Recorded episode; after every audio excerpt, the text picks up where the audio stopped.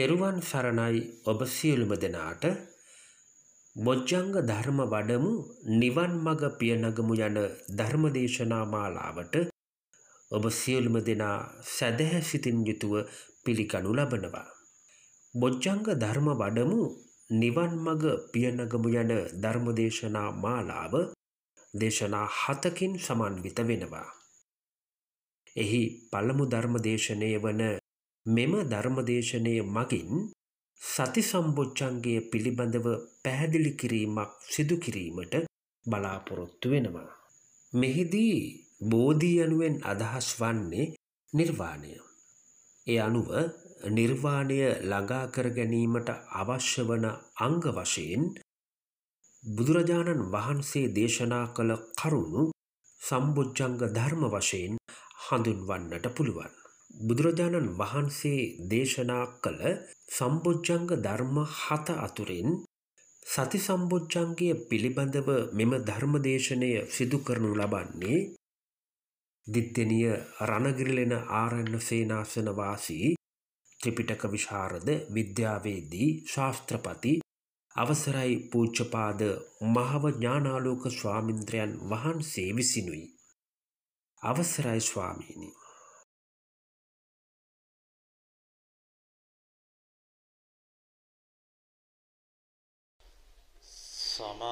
සමන්තා චක්කවාලේසු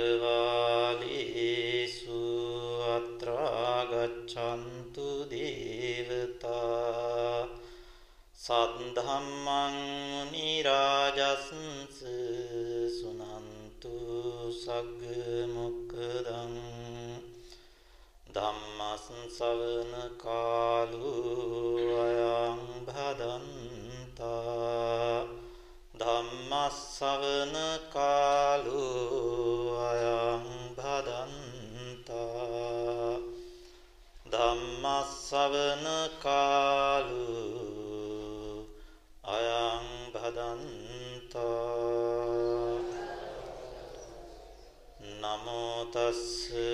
භගවතු අරහතු සම්මා සම්බුද්දස්ස. නමෝතස්ස භගවතු අරහතු සම්මා සම්බුද්දස්ස. නමෝතස්ස භගවතු අරහතු සම්මා සම්බුද්දස්ස. තත්ත කතමෝ සති සම්බුද්ධංගු ඉද බික්කු සතිමාහෝති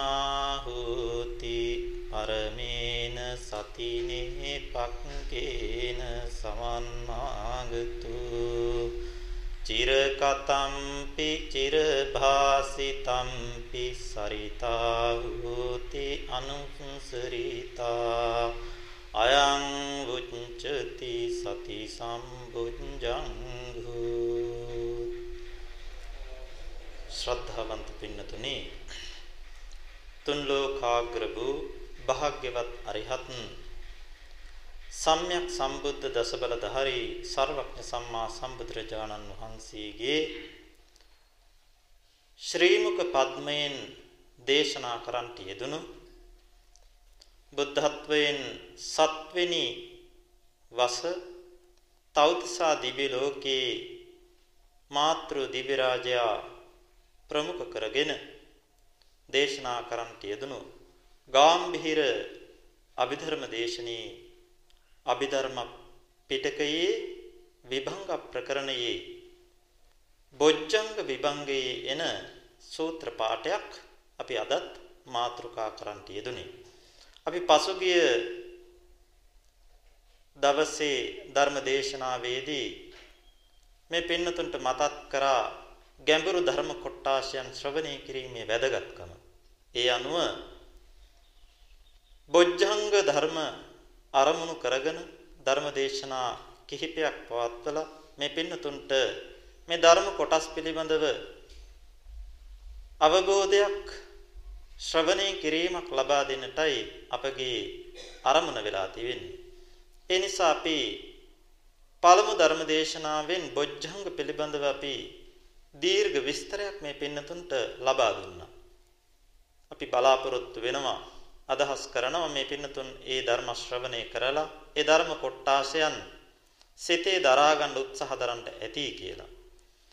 ඒ අනුව අපි සති සම්බොජ්ජංගය පිළිබඳවත් කෙටි විස්තරයක් ප්‍රකාශ කරන්නට යෙදුණා. නමුත් ਸਰව ප්‍රකාරයෙන් මේ පිළිබඳව විස්තර කරනවා නම් ඊටා දීර්ඝ ධර්ම දේශනාවක් වෙනවා. නමුත් ප්‍රමාණවත් පරිදිවත් කෙටියෙන් නමුත් කරුණු කාරණාවක් සිහිපත් කළ යුතු නිසා ඒ පසුගිය ධර්ම දේශනාවේදී අපිට පැහැදිලි කරන්න බැරි වෙච්ච නිසා සති සම්බොජ්ජංගයේ පිළිබඳ දීර්ඝ වශයෙන් අපි නැවත වාරයක් සති සම්බොජ්ජංගයේ පිළිබඳව පැහැදිලි කරන්නටයි මේ අවස්ථාවේදී අපි අද මේ සූත්‍ර පාඨය මාතෘකා අස්ථානයේ ප්‍රකාශ කරන්නට යෙදුනේ. ඉතින් පින්නතුනේ අපි බොජ්ජංග ධර්ම කියන්නේ මොනවද කියලා පැහැදිලි කරා පළවෙනි දවසේදී. බොජ්ජංග කියලා කියන්නේ අපි කිව්වා බෝධියා බෝධිස්සවා අංගාති බොජ්ජංගා. මේ මාර්ග ඥාන සංඛ්‍යාත බෝධියට අවබෝධයට ඒ බෝධියේ නිවන් සාක්ෂාත් කර ගැනීමේ අවබෝධයට අංගයක් වෙන හේතු භූත වෙන ධර්මතාවන් වලට කියනවා බොජ්ජංග ධර්මතාවයන් කියලා. එතකොට අපි ඕනෑම කෙනෙක් නිවන් සාක්ෂාත් කර ගැනීම සඳහා මාර්ග ඥාණයටපත් වීම සඳහා අපේ චිත්ත સંතානය තුළ අනිවාර්යෙන්ම සම්පූර්ණ විය යුතු අංග සමුදායක් තමයි මේ බොජ්ජංග ධර්ම කියලා සඳහන් කෙරෙන්නේ. බොජ්ජංග ධර්ම හතක් බුදුරජාණන් වහන්සේ දේශනා කරලා තිබෙනවා. අපි පැහැදිලි කරා සති සම්බොජ්ජංගය, ධම්ම විචේ සම්බොජ්ජංගය, විරිය සම්බොජ්ජංගය, ප්‍රීති සම්බොජ්ජංගය, පස්සද්ධි සම්බොජ්ජංගය, සමාධි සම්බොජ්ජංගය, උපේක්ඛා සම්බොජ්ජංගය කියලා. මේ සෑම බොජ්ජංග ධර්මයක්ම බෝධියට අංග වෙනවා. නිවන සාක්ෂාත් කර ගැනීම සඳහා අංගයක් බවට පත් වෙනවා. නිවන සාක්ෂාත් කර ගැනීම සඳහා අංගයක් බවට පත් වෙන නිසායි මෙම බොජ්ජංග කියලා කියන්නේ. අපි බෞද්ධයන් විදිහට සෑම සිළු දෙනාගේම අරමුණ තියෙන්නේ උතුම් නිර්වාණය සාක්ෂාත් කර ගැනීමයි. අද දවසේ මේ පින්නතුනුත් මේ සේනාසනයට සම්ප්‍රාප්ත වෙලා මේ විදිහට ධර්ම ශ්‍රවණයන් කරන්නේ මේ විදිහට සීලාදී ගුණධර්මයන් පුරන්නේ නිවන් සාක්ෂාත් කර ගැනීම කියන අරමුණෙන් යුතුව. එහෙමනම් අපට නිවන් සාක්ෂාත් කරගන්න අනිවාර්යෙන්ම සම්පූර්ණ කරගත යුතු ධර්මතා සමුදායක් තමයි බොජ්ජංග කියලා බුදුරජාණන් වහන්සේ දේශනා කරලා තිබෙන්නේ. දැන් අපි කියනවා යම් කිසි ඉලක්කයක් සම්පූර්ණ කරගන්න අපිට යම් දෙයක් අනිවාර්යෙන් කරන්න ඕනේ නම් උදාහරණයක් විදිහට කෙනෙක් විභාගයක් සමත් වෙනවා. විභාගයේ සමත් වෙන්න අපි කියනවා අවම වශයෙන් සමත් විය යුතු විෂයන් ටිකක් තියෙනවා. මේ විභාගයට අවම වශයෙන් සමත් විය යුතු විෂයන් ටික සමත් වුණේ නැත්නම් විභාගයේ සමත් වුණා කියලා සලකන්නේ නැහැ. මෙන්න මේ වාගේ තමයි නිවනට අංග වෙනවා කියලා කියන්නේ. නිවන සාක්ෂාත් කර ගැනීම සඳහා අනිවාර්යයෙන්ම සපුරා ගත යුතු අංග ටිකක් තිබෙනවා. මේ අංග ටික එකතු වුණේ නැත්නම් නිවන් සාක්ෂාත් කර ගැනීම කියන එක සිද්ධ වෙන්නේ නැහැ. මෙන්න මේ නිසයි මේවට බොජ්ජංග එහෙමත් නැත්නම් බෝධියට අංග කියලා සඳහන් කෙරෙන්නේ. මේ නිසා අපි නිවන් සාක්ෂාත් කරගන්න නම් අනිවාර්යෙන් අපේ චිත්ත સંතානය තුළ මේ කියන බොජ්ජංග ධර්ම වැඩි වර්ධනය කරගත යුතුයි භාවිත කරගත යුතුයි. ඒ බොජ්ජංග ධර්ම දේශනා කරද්දී බුදුරජාණන් වහන්සේ අඩු වැඩි නැතිව හතක්ම දේශනා කරන්න හේතුව අපි පැහැදිලි කරලා දුන්නා. පළවෙනි බොජ්ජංගය සති සම්බොජ්ජංගයට අමතරව ඉතිරි බොජ්ජංග හයක් දේශනා කරලා තිබෙන්නේ මාර්ග ඥාන සංඛ්‍යාත නිවන් අවබෝධයට ප්‍රතිපක්ෂ ප්‍රධාන ධර්මතා දෙකක් තියෙනවා. තීන මිද්දය සහ උද්දච්චය කියන එක. තීන මිද්දය කියලා කියන්නේ අපේ මේ චිත්ත චෛතසික ධර්මවල හැකිලිම කියන එකයි. උද්දච්චය කියලා කියන්නේ අපේ සිතේ විසිරීම කියන එකයි. වෙනතන නිවන් සාක්ෂාත් කරගන්න කෙනාට මෙන්න මේ කියන ධර්මතා දෙක අවසාන වශයෙන් අපිට හරහට හිටිනවා. දැන් අපි යම් අරමුණක් ඉලක්කයක් යනකොට අපිට කියන අපි කියනවා සමහර කෙනෙක් මං අවසානයේ දක්වා ආවා. නමුත් මට ඉවර කරගන්න බැරි වුණා.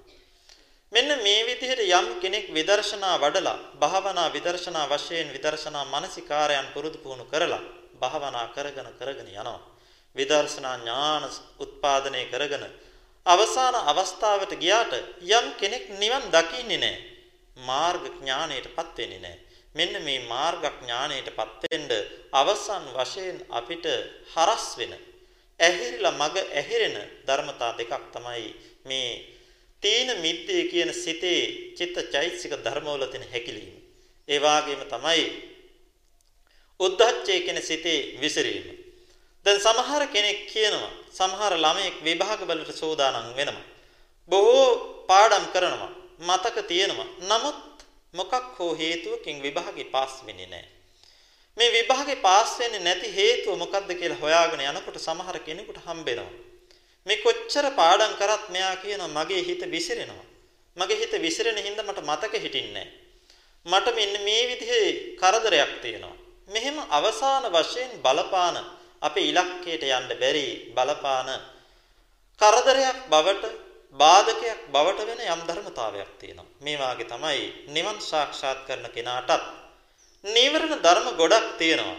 පංච නීවරණයක් තියෙනවා. නමුත් ඒ පංච නීවරණ අතරේ ඉතිරි නීවරණ ධර්ම අපි විදර්ශනා මානසිකාරයෙන් යටපත් කරගෙන කරගෙන එනවා.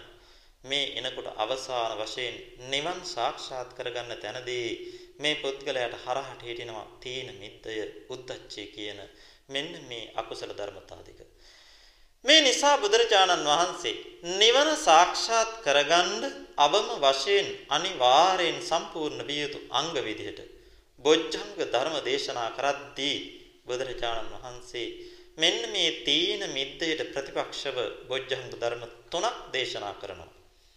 උද්ධච්චයට ප්‍රතිපක්ෂ විදිහට බොජ්ජංග ධර්ම තුනක් දේශනා කරනවා. මේ විදිහට බොජ්ජංග හයක් දේශනා වෙලා මේ සියලු බොජ්ජංග ධර්ම සම්පාදනය කරගන්නට උපකාර වන බොජ්ජංග ධර්මයක් විදිහට සති සම්බොජ්ජංගය දේශනා කරනවා. මේ අනුව සති සම්බොජ්ජංගය හැර ඉතිරි ධම්ම විචේ සම්බොජ්ජංගය, විරිය සම්බොජ්ජංගය, ප්‍රීති සම්බොජ්ජංගය කියන මේ බොජ්ජංග ධර්ම තුන අපේ සිතේ තීන මිද්දයට ප්‍රතිපක්ෂව කටයුතු කරනවා. ඒ වාගේම තමයි පස්සද්ධි සම්බොජ්ජංගය, සමාධි සම්බොජ්ජංගය, උපේක්ඛා සම්බොජ්ජංගය කියන බොජ්ජංග ධර්ම තුන අපේ උද්දච්චය කියන සිතේ විසිරීමට ප්‍රතිපක්ෂ විදිහට පවතිනවා. මේ නිසා යම් කෙනෙක් කියනවා නම් මට භාවනා කරන්න බෑ සිත විසිරෙනවා. මගේ සිත එක තැනක තියෙන්නේ නැහැ. මට නිදිමත ඇති වෙනවා. මෙන්න මේ ප්‍රශ්න තමයි අපිට භාවනා කරනකොට ඇති වෙන්නේ. මේන්න මේ ප්‍රශ්න වලට පිළිතුරු බුදුරජාණන් වහන්සේ බොජ්ජංග වශයෙන් අපිට දේශනා කරනවා. මේ සියලු බොජ්ජංග ධර්ම සම්පාදනය වෙන්න උපකාර වන එක බොජ්ජංග ධර්මයක් තියෙනවා. අපි සඳහන් කරා සබ්බ ව්‍යංජනේසු ලෝම දූපනංගිය. මේ සියලු ව්‍යංජන රසවත් කරන්න ලුණු දාන්න ඕනේ. ලුණු කියන දේ නැතිව සියලු අනෙකුත් කිසිම ව්‍යංජනයක් කොයි ආකාරයෙන් සකස් කරත් රසවත් වෙන්නේ නැහැ ලුණු දැම්මේ නැත්තම්. මෙන්න මේ වාගේ තමයි කිසිම බොජ්ජංග ධර්මයක් සම්පාදනය කරගන්න බෑ සති සම්බොජ්ජංගය කියන ධර්මතාවය අපි තුල නැත්තම්. මේ නිසා සති සම්බොජ්ජංගය කියන එක අපි සම්පාදනය කරගන්න සිද්ධ වෙනවා. ඒ නිසා අපි සති සම්බොජ්ජංගය පිළිබඳව මුලින්ම බුදුරජාණන් වහන්සේ දේශනා කරන්නේ සති සම්බොජ්ජංගයයි. ඒ පිළිබඳව අපි මේ අද විස්තර කරන්න බලාපොරොත්තු වෙන්නේ අපේ ශක්ති ප්‍රමාණයෙන්.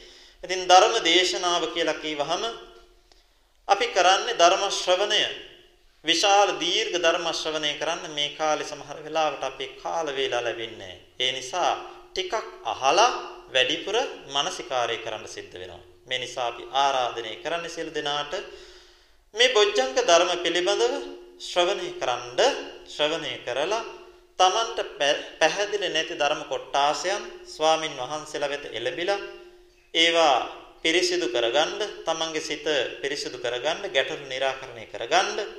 තව කෙනෙකුට පුළුවන් නම් Tamanට මේ තේරෙන ධර්ම කොටාසයන් පිළිබඳ මේ පොත්පත්වල කියවලා කරුණු හොයලා අනෙක් අයටත් ඒවා බෙදලා දෙන්න. මෙන්න මේ විදිහට ධර්මයේ පිළිබඳව දැනුම එක රාශි කරගන්න.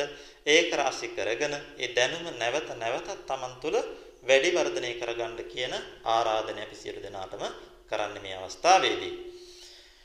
ඉතින් අපි මාතෘකා කරන් තියදුනා සති සම්බොජ්ජංගය කියන්නේ මොකක්ද කියන ආකාරයේ බුදුරජාණන් වහන්සේ අභිධර්ම පිටකයේ විභංග ප්‍රකරණයේ බොජ්ජංග විභංගයේ පැහැදිලි කරනවා.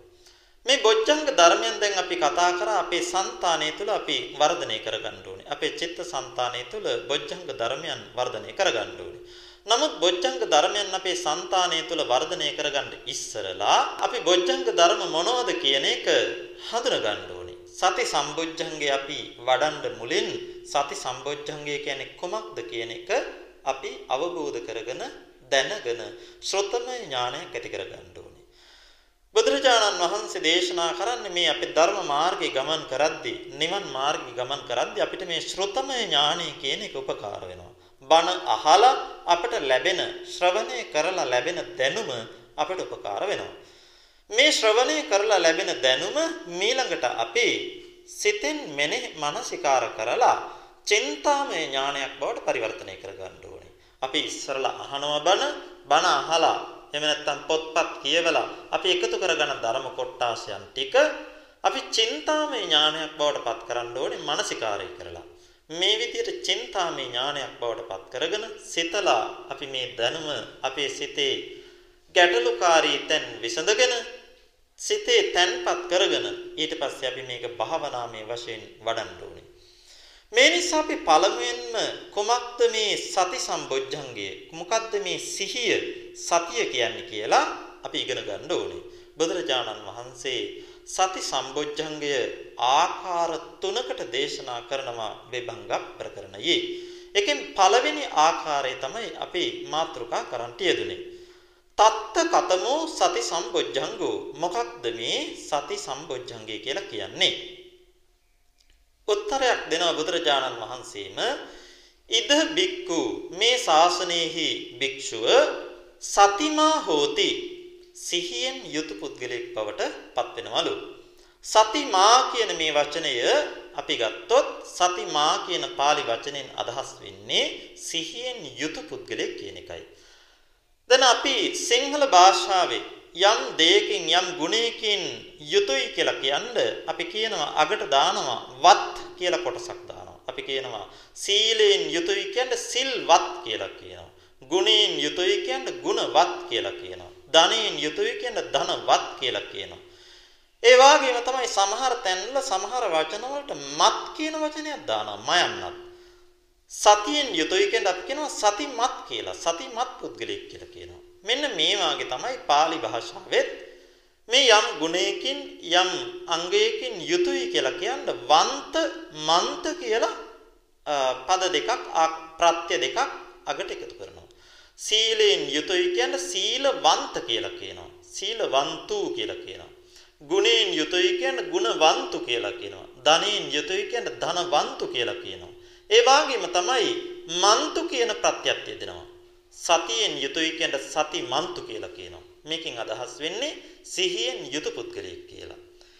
ඒ වගේම තමයි මේ වචනය දැන් අපි සිංහල භාෂාවේ ගත්තොත් සීලයෙන් යුතුයි කියන සිල්වත් කියන කෙනා අපි වාක්‍යයක මුලට උක්තයක් විදිහට දානකොට අපි කියනවා සිල්වතා කියලා කියනවා. අපි කියනවා සිල්වතා හොඳට සිල් රකින්නවා කියලා කියනවා. ගුණවතා දන් දෙනවා කියලා කියනවා. අන්න මේ විදිහට අපි වාක්‍යයක මුලට දානකොට මේක සිල්වතා, ගුණවතා, ධනවතා, නැනවතා කියලා කියනවා. මෙන්න මේ වාගේ තමයි pāli භාෂාවෙත් මේ වන්ත කියන පදයේ යෙදෙන ධනවන්ත, ගුණවන්ත, සීලවන්ත කියන එක වාක්‍යයක මුලට යෙදෙනකොට සීලවා, ධනවා, ගුණවා, බලවා මෙන්න මේ විදිහට වා කියලා ඉවර කරනවා. ඒ වගේම තමයි මන්තු කියලා යෙදෙන ඒවා මා කියලා ඉවර වෙනවා. ඉතින් සති මන්තු කියන පදය අපි වාක්‍යයක මුලට උක්තයක් විදිහට යොදනකොට සති මා කියලා තමයි කියන්නේ. සති මා කියන එකෙන් අදහස් වෙන්නේ සිහියෙන් යුතු පුද්ගලයා කියන එකයි. මේ නිසා ඉද බික්ක ඉද බික්කු මේ ශාසනයෙහි භික්ෂුව සති මා හෝති සිහියෙන් යුතු පුද්ගලයෙක් බවට පත් වෙනවා. කොහොමද?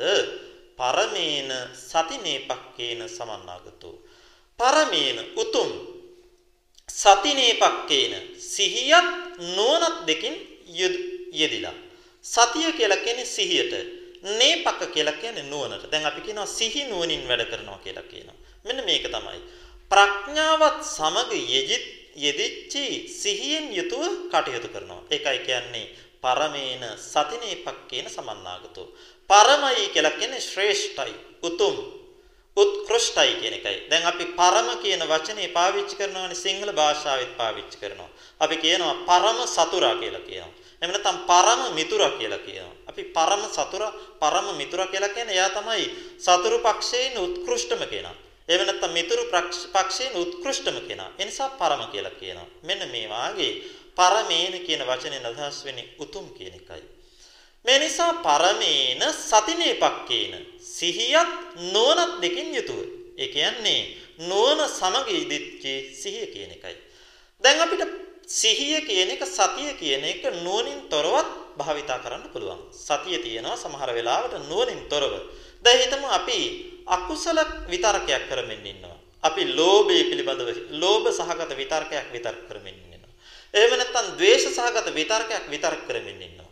අපි යම් කෙනෙක්ගේ නුගුණක් සිහි කරමින් මෙයාට සිතෙන් බැන බැන ඉන්න වෙලාවල් සමහර වෙලාවට තියෙනවා. එහෙම නැත්නම් අපි යම් දෙයක් කැමති දෙයක් මෙනෙහි කර කර මේක හොඳයි හොඳයි කියලා මෙනෙහි කර කර ලෝභයෙන් රාගයෙන් මෙනෙහි කරමින් ඉන්න වෙලාවල් තියෙනවා. මේ වෙලාවෙත් අපිට සිහියක් තියෙනවා. නමුත් පින්නතුනේ ඒ සිහිය උත්කෘෂ්ඨ උතුම් බලවත් සිහියක් බවට පත් වෙන්නේ නැහැ. සිහිය බලවත් වෙන්නේ ප්‍රඥාවත් එක්ක එකතු වෙලා තියෙනකොට. සිහිය බලවත් වෙන්නේ ප්‍රඥාවත් එක්ක එකතු වෙලා තියෙනකොට. ඒක හරියට නිකන් දැන් අපි ඉන්නවා සමහර කෙනෙක් අපේ සමාජයේ බලවත් පුද්ගලයෝ ඉන්නවා. ශක්තිමත් අය ඉන්නවා. දැන් අපි හිතමු ඇමති කෙනෙක් ඉන්නවා. පාර්ලිමේන්තු මන්ත්‍රී කෙනෙක් ඉන්නවා. මෙයා ශක්තිමත්. හැබැයි මෙයාගේ ශක්තිය තවත් වැඩි වෙනවා. එයා ආණ්ඩු පක්ෂයේ ඉන්නවනම්. අන ආණ්ඩු පක්ෂයේ ඉන්න ඇමති කෙනෙකුට තියෙනවා බලය විරුද්ධ පක්ෂයේ ඉන්න කෙනෙකුට වඩා. අන්න ඒ වාගේ තමයි සතිය නිකන් තියෙනකොටත් බලවත්. හැබැයි මේක ප්‍රඥාවත් එක්ක එකතුනොත් ඊට වඩා බලවත්. මෙන්න මේ විදිහට සතිය කියන එක සිහිය කියන එක නුවණත් සමග එකතු වුනහම තවත් බලවත් වෙනවා. ඉතින් මේ පුද්ගලයා මේ භික්ෂුව ශාස්ත්‍රයේ භික්ෂුව සිහියෙන් යුතුයි කොහොමද පරමේන සතිනීපක් කියන සමන්නාගත උතුම් නුවණත් සමග යෙදිච්චි සිහියකින් යුතුයි කොහොමද එහෙම කරන්නේ එහෙම සිහියෙන් යොදලා සිහියෙන් ඉඳගෙන චිර කතම්පි චිර භාසිතම්පි සරිතා හෝති අනුස්සරිතා. චිර කතම්පි තමන් කරපු කියපු කරපු දේවල් මෙනෙහි කරනවා. තමන් කරපු කටයුතු. තමන් භාවනා කරන්න පරිකර්ම භාවනා පරිකර්මයක් කරා මේක සිහි කරනවා. එහෙම නැත්නම් තමන් යම් වදක් පිළිවෙතක් කරා මේක සිහි කරනවා. තමන් යම් කුසලයක් කරා දානයක් දුන්නා මේක සිහි කරනවා. මෙන්න මේ විදිහට තමන් කයින් කරපු කටයුතු සිහි කරනවා. ඒ වාගේම තමයි චිර භාසිතම්පි තමන් වචනයෙන් කියපු දේවලුත් සිහිපත් කරනවා. තමන් යම් ආකාරයක සිල් සමාදන් වුණා. එහෙම නැත්නම් යම් දෙයක් දැකලා ඒකට සාදුකාර දුන්නා. එහෙමත් නැත්නම් කවුරු හරි එක්ක ධර්ම කතාවක් කියදුනා. ධර්ම ශ්‍රවණයක් කරා. මෙන්න මේ විදිහට තමන් කියපු දේවල් භාසිතයක් අපි සිහිපත් කරනවා නම් අන්න ඒකට කියනවා චිර භාසිතම්පි කියලා. මේ විදිහට තමන් කරපු දේවල් තමන් කියපු දේවල් සරිතා හෝති අනුස්සරිතා. මේක සිහි කරනවා එයා. කොහොමද? මේ අවස්ථාවේදී ඇතිවෙච්චි කාය විඤ්ඤාති වචී විඤ්ඤාති රූප ධර්මයන් නාම ධර්මයන් ඒ ඒ මොහොතේ ඇති වෙලා නැති වෙලා ගියා. ඒ ඒ මොහොතේ නිරුද්ධ භාවයටපත් වුණා. අනිත්‍යයි මේ සියලු නාම ධර්මයන් සියලු රූප ධර්මයන් අනිත්‍යයි. මෙන්න මේ විදිහට අනිත්‍ය දුක්ඛ අනාත්ම වශයෙන් මෙනෙහි කරනවා. අන්න ඒ මෙනෙහි කිරීම නැවත නැවත කරනවා නම් ඒකට කියනවා සරිතා හෝති අනුස්සරිතා කියලා. මෙන්න අපිට සිහිය බුදුරජාණන් වහන්සේ දේශනා කරන එක ආකාරයකට. කොහොමද යම් පුද්ගලයෙක් සිහියෙන් යුතුව ප්‍රඥාවෙන් සමග යෙදිච්ච සිහියෙන් යුතුව ඉඳගෙන තමන් කරපු කියපු දේවල් සිහි කරනවා නම් අන්න එතන තියෙනවා සතිය කියන සති සම්පුජ්ජංගය කියලා බුදුරජාණන් වහන්සේ දේශනා එතකොට මේ මෙනෙහි කිරීම හිතනද අපි කරපු අකුසල ධර්මයක් අපිට මෙනෙහි කරනකොට ප්‍රඥාවක් ඇති වෙනවද? අකුසල ධර්මයක් මෙනෙහි කරනකොට අපිට ප්‍රඥාවක් ඇති වෙන්නේ නැහැ. අපි කෙනෙක් යම් අකුසලයක් කරගත්තා. කෙනෙක් සතෙක් මැරුවා. බොරු කිව්වා. සොරකම් කරා. මෙන්න මේ වාගේ අකුසලයක් කරෝතින් ඒ අකුසලය අපි නැවත නැවත සිහි කරනකොට පින්නතුනේ අපිට තවත් අකුසලයක් රැස් වෙන්නේ. අකුසල සිතක අපිට නුවණක් යෙදෙන්නේ නැහෙනේ. නුවණක් යෙදෙන්නෙම අපිට කුසලයක් කරලා මෙනෙහි කරනවා. මේ නිසා යම් කෙනෙක් Taman කරපු කුසල ධර්මයන් කයින් කරපු වෙන්න පුළුවන් සිතෙන් වචනයෙන් කරපු වෙන්න පුළුවන් මේ කුසල ධර්මයන් නැවත නැවත සිහි කරනවා නම් අන්න එතන සති සම්පොජ්ජංගේ යෙදෙනවා කියලා බුදුරජාණන් වහන්සේ අපට දේශනා කරනවා මේක අපිට එහෙනම් ප්‍රායෝගිකව ප්‍රයෝජනවත් වෙන දෙයක් අපි කරන කියන කටයුතු සිහියෙන් යුතුව අපිට කරන්න පුළුවන්. සිහි නුවණින් යුතුව කරන්න පුළුවන්. කරලා ඉවර වෙලා නැවත නැවතත් අපි කරපු කුසල ධර්මයන් මෙනෙහි කරනවා නම් ඒවා අපි සිහි කරනවා නම් අන්න ඒ සිහි කිරීම තුළ අපේ සති සම්පුජ්ජංගය වැඩෙනවා. සති සම්පුජ්ජයෙන් සති සම්පුජ්ජංගය එතන යෙදෙනවා කියන එකයි බුදුරජාණන් වහන්සේ දේශනා කරන්නේ. දැන් මේ අපි සතිය කියන එක අඳුරගන්නයි උත්සාහ කරන්නේ. ඔන්න එහෙනම් අපිට බුදුරජාණන් වහන්සේ එක ආකාරයකට පැහැදිලි කරලා දුන්නා සති සම්පුජ්ජංගය සතිය කියන එක කොහොමද යෙදෙන්නේ කියන එක. මීළඟට බුදුරජාණන් වහන්සේ දෙවනුව අපිට දෙවෙනි ණය ක්‍රමයකට සති සම්පොජ්ජංගය කියන්නේ මොකද්ද කියලා තවත් ආකාරයකට පැහැදිලි කරනවා. තත්ත කතමෝ සති සම්පොජ්ජංගෝ ඉද තත්ත කතමෝ සති සම්පොජ්ජංගෝ කුමක්ද සති සම්පොජ්ජංගය? අත්ති අජ්ජත්තං ධම්මේසු සති. අත්ති බහිද්ධා ධම්මේසු සති. යදපි අජ්ජත්තං ධම්මේසු සති. තදපි සති සම්බොජ්ජංගෝ අභිඥාය සම්බෝධාය නිබ්බානාය සංවතති යදපි බහිද්ධා ධම්මේසු සති. තදපි සති සම්බොජ්ජංගෝ අභිඥාය සම්බෝධාය නිබ්බානාය සංවතති මෙන්න අපිට දෙවෙනි ආකාරයකට සති සම්බොජ්ජංගය කියන එක බුදුරජාණන් වහන්සේ පැහැදිලි කරලා දෙනවා. අත්ති අජ්ජත්තං ධම්මේසු සති. මේ ආධ්‍යාත්මික ධර්මයන් කෙරෙහි අපිට සතියක් තියෙනවා. ආධ්‍යාත්මික ධර්මයන් කියන්නේ මොකද්ද? අපේ මේ කය තුල තියෙන ධර්මතාවයන් අපි මෙනෙහි කරනවා. කොහොමද? යම් කෙනෙක් මෙනෙහි කරනවා මගේ මේ කය සකස් වෙලා තියෙන්නේ කෙස් වලින් ලොම් වලින් නිය දත් සම් මස් නහර ඇට ඇටමිදුළු වකුගඩු හදවත මෙන්න මේ ආකාරයෙන් මේ කුණප කොටස් මෙනෙහි කරනවා. මෙන්න මේ විදිහට ආධ්‍යාත්මයේ තුල තියෙන ධර්මතාවයන් යම් කෙනෙක් මෙනෙහි කරනවා නම් කොහොමද මෙනෙහි කරන්නේ? මේ කෙස් කියලා කියන්නේ වර්ණ වශයෙන් පිළිකුල්. ඒ වාගේම සටහන වශයෙන් පිළිකුල්. ඒ වාගේම ගන්ධයේ වශයෙන් පිළිකුල්. ඒ වාගේම පස් වෙලා තියෙන දේවල් වශයෙන් පිළිකුල්. ඒ වාගේම මේ කෙස් පිහිටලා තියෙන තැන වශයෙන් පිළිකුල්. මෙන්න ආකාර පහකට අපි මෙනෙහි කරනවා. වන්න, సంఠාන, ගන්ධ, ආසිය, ඕකාස කියලා. මෙන්න මේ කියන ආකාර පහට අපි කෙස් පිළිබඳ මෙනෙහි කරනවා. ඒ වාගේම තමයි ලොම් පිළිබඳවත් මෙනෙහි කරනවා. ඒ වාගේම තමයි නිය පිළිබඳ, දත් පිළිබඳ යනාදී වශයෙන් මේ සමස්ත කයේ තියෙන ධර්මතාවයන් මෙනෙහි කරනවා. මෙන්න මෙනෙහි කරනවා නම් මේ මෙනෙහි කරනකොට අපිට තියෙනවා ආධ්‍යාත්මික ධර්මයන් කෙරෙහි සිහියක් උපදිනවා. මගේ මේ කය සකස් වෙලා තියෙන්නේ කුණප කොටස් 32කින් කියන මෙනෙහි කිරීමෙනවා. මේලකට මේ පුද්ගලයාට මේක මෙනෙහි කරන්න පුළුවන් ධාතු වශයෙන්. කෙස් කියලා කිව්වත් මෙතන පටවි ධාතු උත්සන්නයි. පටවි ධාතු උත්සන්න කෙස් වල පටවි විතරක් නෙමෙයි තව සෙසු ධාතුනුත් තියෙනවා. ආපෝ, තේජෝ, වායෝ කියන ධාතුනුත් තියෙනවා. ඒ වාගේම තමයි ලොම් පිළිබඳවත් මෙනෙහි කරන්න පුළුවන්. නිය පිළිබඳව, දත් පිළිබඳව මේ හැම දෙයක් පිළිබඳව කුණුක කොටස් 32ම අරගෙන මේ සියල්ල පිළිබඳව ධාතු වශයෙන් මෙනෙහි කරන්න පුළුවන්. මෙන්න මේ විදිහට Tamanගේ කය පිළිබඳව මෙනෙහි කරලා ඊළඟට මේක තුළ රූප කලාප විදිහට දකින්නත් පුළුවන්. මේ කෙස් පිළිබඳව ගත්තාම කෙස්වල තියෙනවා රූප කලාප සමුදායක්. ලොම්වල තියෙන රූප කලාප සමුදායක්. මේ රූප කලාප වශයෙන්ුත් මේක මෙනෙහි කරන්න පුළුවන්. මෙනෙහි කරලා මේ රූප කලාප වශයෙන් මේවා ක්ෂණයක් ක්ෂණයක් පාසා ඇතිවීමින් නැතිවීමින් යනවා ඇතිවීමින් නැතිවීමින් යනවා ඇතිවීමින් නැතිවීමින් යනවා අනිත්‍ය ධර්මතාවයක් නේ කියලා මෙනෙහි කරන්න පුළුවන්. ඒ වගේම තමයි ඒ ඇතිවීම නැතිවීම දෙකෙන් පෙළෙන දේ දුක්ඛ ධර්මතාවයක් නේ කියලා මෙනෙහි කරන්න පුළුවන්. ඒ ඇතිවීම නැතිවීම පෙළෙන දුකක් සහිත මේ ධර්මතාවය අපිට කැමැති ලෙසකට පවත්වන්න බැරි ධර්මතාවයක් නේ කියලා මෙනෙහි කරන්න පුළුවන්. අන්න ඒ පුද්ගලයාට නෝන පහළ වෙනවා. මේ කෙස්ලොම් ආදී කුණප කොටස් කෙරෙහි මගේ තියෙන ඇලීම මන් දුරු කරගන්න ඕනේ කියලා. ඒ වගේම තමයි කෙස්ලොම් විතරක් නෙවෙයි ඇස කන නාසය ආදී මේ සෙසු රූප ධර්ම කෙරෙහි අපිට මේ විදිහට මෙනෙහි කරන්න පුළුවන්. මේ ඇසෙන් අපි රූප දැක්කට මේකත් නිස්සාරයිනි කියලා මෙනෙහි කරගන්න පුළුවන් අවබෝධ කරගන්න පුළුවන්. මේ විදිහට තමන්ගේ ආධ්‍යාත්මය තුළ මෙනෙහි කරනකොට විවිධාකාරයෙන් මානසිකාර කරනකොට මේ ආධ්‍යාත්මය තුළ තමන්ට සිහියක් උපදිනවා. අන්න ඒකයි කියන්නේ අත්ති අජත්තන් ධම්මේසු සති. ආධ්‍යාත්මික ධර්මයන් කෙරෙහි සිහියක් තියෙනවා.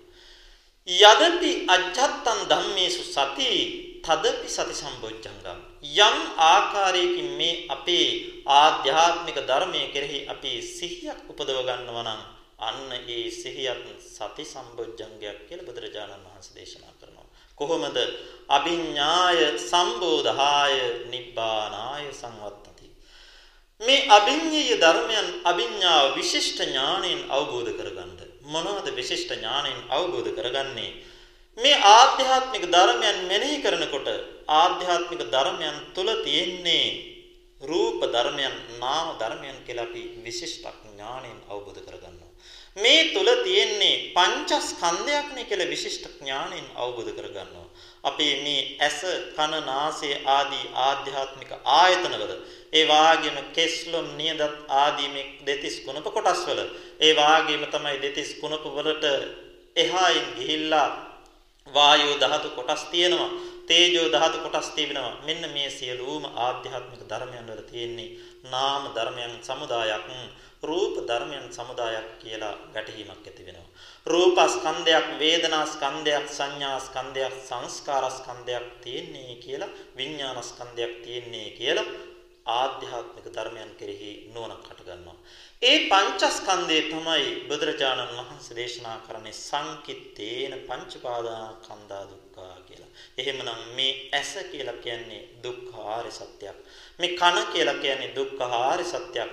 මේ නාසය, දිව, ශරීරය මේ සියල්ලක්ම දුක්ඛාරය සත්‍යයක්. මේ කෙස් කියලා කියන්නේ දුක්ඛාරය සත්‍යයක්. ලොම් කියලා කියන්නේ දුක්ඛාරය සත්‍යයක්. නිය කියලා කියන්නේ දත් කියලා කියන්නේ සම මස් නහර ඇට ඇට මිදුළු හදවත මේ සෑම දෙයක්ම දුක්ඛාරය සත්‍යයක් කියලා අවබෝධ කරගන්නවා. මෙන්න මේ දුක්ඛාරය සත්‍ය තමයි අපි විශිෂ්ට ඥාණයෙන් අවබෝධ කරගන්නේ. අන්න ආධ්‍යාත්මික ධර්මයන් කෙරෙහි අපිට තියෙන සතිය කියන මේ සිහිය අපිට මේ විශිෂ්ට ඥාණයෙන් දුක්ඛාරය සත්‍ය අවබෝධ කරගන්න හේතු වෙනවා. ඒ වාගේම තමයි ඒ දුක අවබෝධ කරගන්න කෙනා අවබෝධ කරගන්නවා මේ කය තුළ තිබෙන්නේ ආස්වාදයක් තිබෙනවා අපිට. නමුත් ඒ ආස්වාදයට එහා ගිය ආදීනයක් තියෙනවා කියලා වැටහෙනවා. ඒ ආදීනයක් තියෙන නිසා මේකේ මිදෙන නිස්සරණයක් අපිට තියෙනවා කියලා අවබෝධ වෙනවා. අන්න ඒ පුද්ගලයා මේ විදර්ශනා මානසිකාරයේ පවත්වාගෙන යනකොට ඒ පුද්ගලයාට නිවන් සාක්ෂාත් කරගන්න මෙන්න මේ සතිය උපකාර වෙනවා. ඒකයි කියන්නේ අභිඥාය කියලා කියන්නේ විශිෂ්ට ඥාණයෙන් අවබෝධ කරගන්න හේතු වෙනවා. සම්බෝධාය උතුම් නිවන් සාක්ෂාත් කරගන්න හේතු වෙනවා.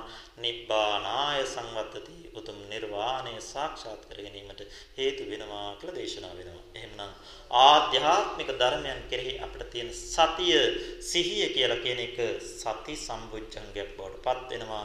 නිවනට හේතු වෙන සති සම්බුද්ධංගයක් වෙනවා. ඒ විතරක් නෙවෙයි අත්ති බහිද්ධහ ධම්මේසු සති. බහැර ධර්මයන් කෙරෙහිත් අපිට සතියක් තියෙනවා.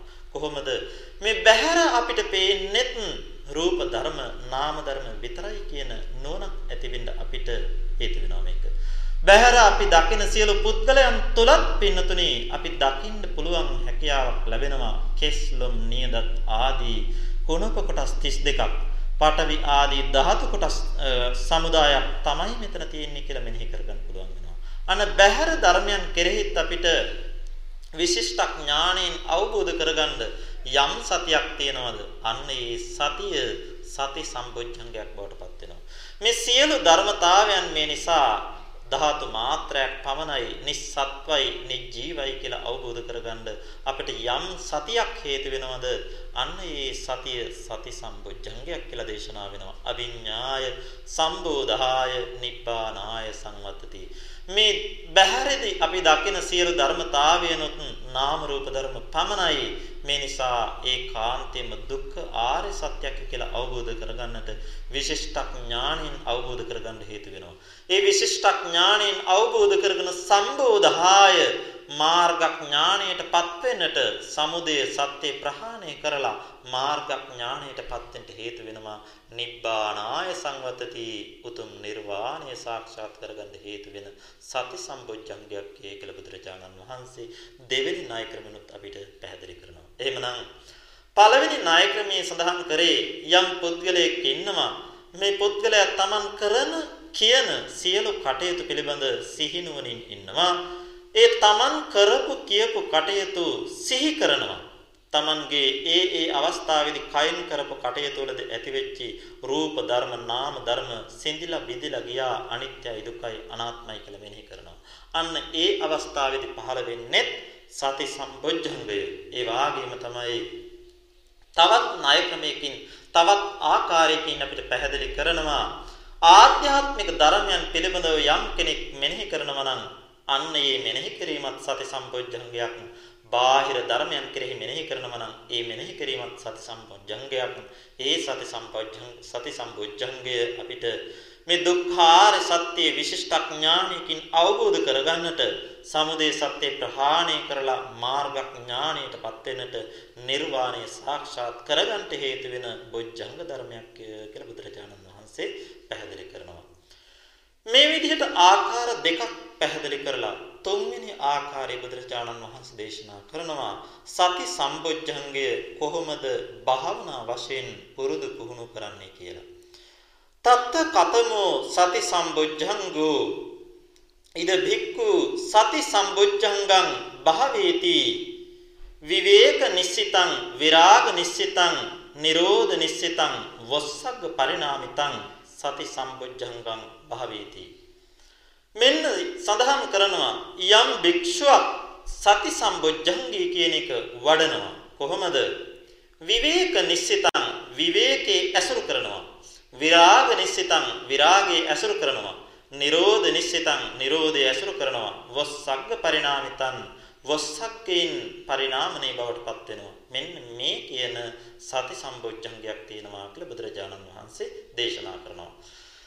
මෙතනදී අපි පැහැදිලි කරන්න ඕනේ මොකක්ද මේ විවේක නිශ්චිත සති සම්බොජ්ජංගය කියන්නේ. මෙන්න අපිට සති සම්බොජ්ජංගේ වඩන ආකාරය බුදුරජාණන් වහන්සේ දේශනා කරන හැටි.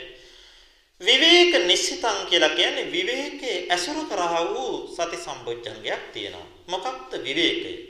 විවේක කියන වචනයෙන් සඳහන් කරන්නේ විවිත්ත කියන එක, වෙන්නුණු කියන එක. දැන් අපි කියනවා අපි සාමාන්‍යයෙන් සඳහන් කරන විවේක තුනක් තියෙනවා. කාය විවේක, චිත්ත විවේක, උපදි විවේක කියලා. කාය විවේක කියලා කියන්නේ අපි කයින් වෙන් වෙලා වාසය කරන අනෙක් අයගෙන් තනියෙන් හුදකලාව වාසය කරනවා. කාය විවේකයට කියලා කියනවා ඒක. චිත්ත විවේකය කියලා කියන්නේ අපි සමාධියක් ලෞකික සමාධියක් උපදව ගන්නවා. අෂ්ට සමාපatti දක්වා සිත සමාධිමත් වශයෙන් සමත වශයෙන් වර්ධනය කරගන්නවා. එතකොට අපේ සිත නීවරණ ධර්මයන්ගෙන් වෙන් වෙනවා. අන්න එතකොට ඒකත් විවේකයක් කියලා සඳහන් කරනවා. ඒ වගේම තමයි උපදි විවේකයේ කියලා කියන්නේ අපි මාර්ගඥාන සංඛ්‍යාත නිර්වාණය සාක්ෂාත් කරගන්නවා නම් අන්න ඒ වෙලාවේදී අපේ තියෙන විවේකය අපි සියලු කෙලෙසුන්ගෙන් වෙන් වෙන නිසා ඒකටත් කියනවා විවේකයක් කියලා. මේ නිසා විවේක කියන වචنين සඳහන් කරන්නේ විවික්ත ස්වභාවයක්. වෙන වෙන ස්වභාවයක්. මෙන්න මේ විවිධ ස්වභාවය වෙන වෙන ස්වභාවය ඇසුරු කරනවා නම් යම්කිසි සිහියක් අන්නේ සිහියට කියනවා විවේක නිශ්චිත වූ සති සම්බොජ්ජංගය කියලා කියනවා. මෙතනදී සඳහන් කරන්න ඕනේ විවේකය සති සම්බොජ්ජංගයේ විවේකයේ ඇසුරු කරනවා ආකාර පහකට. විවේක ආකාර පහක් තියෙනවා. මොනවද? තදංග විවේකයක් තියෙනවා.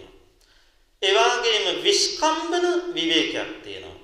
ඒ වගේම සමුච්ඡේද විවේකයක් තියෙනවා. පටිපස්සද්දි විවේකයක් තියෙනවා. නිස්සරණ විවේකයක් තියෙනවා. විවේක පහක් අපිට මුණ ගැහෙනවා නිවන් සාක්ෂාත් කරගන්නා විදර්ශනා යෝගියාට.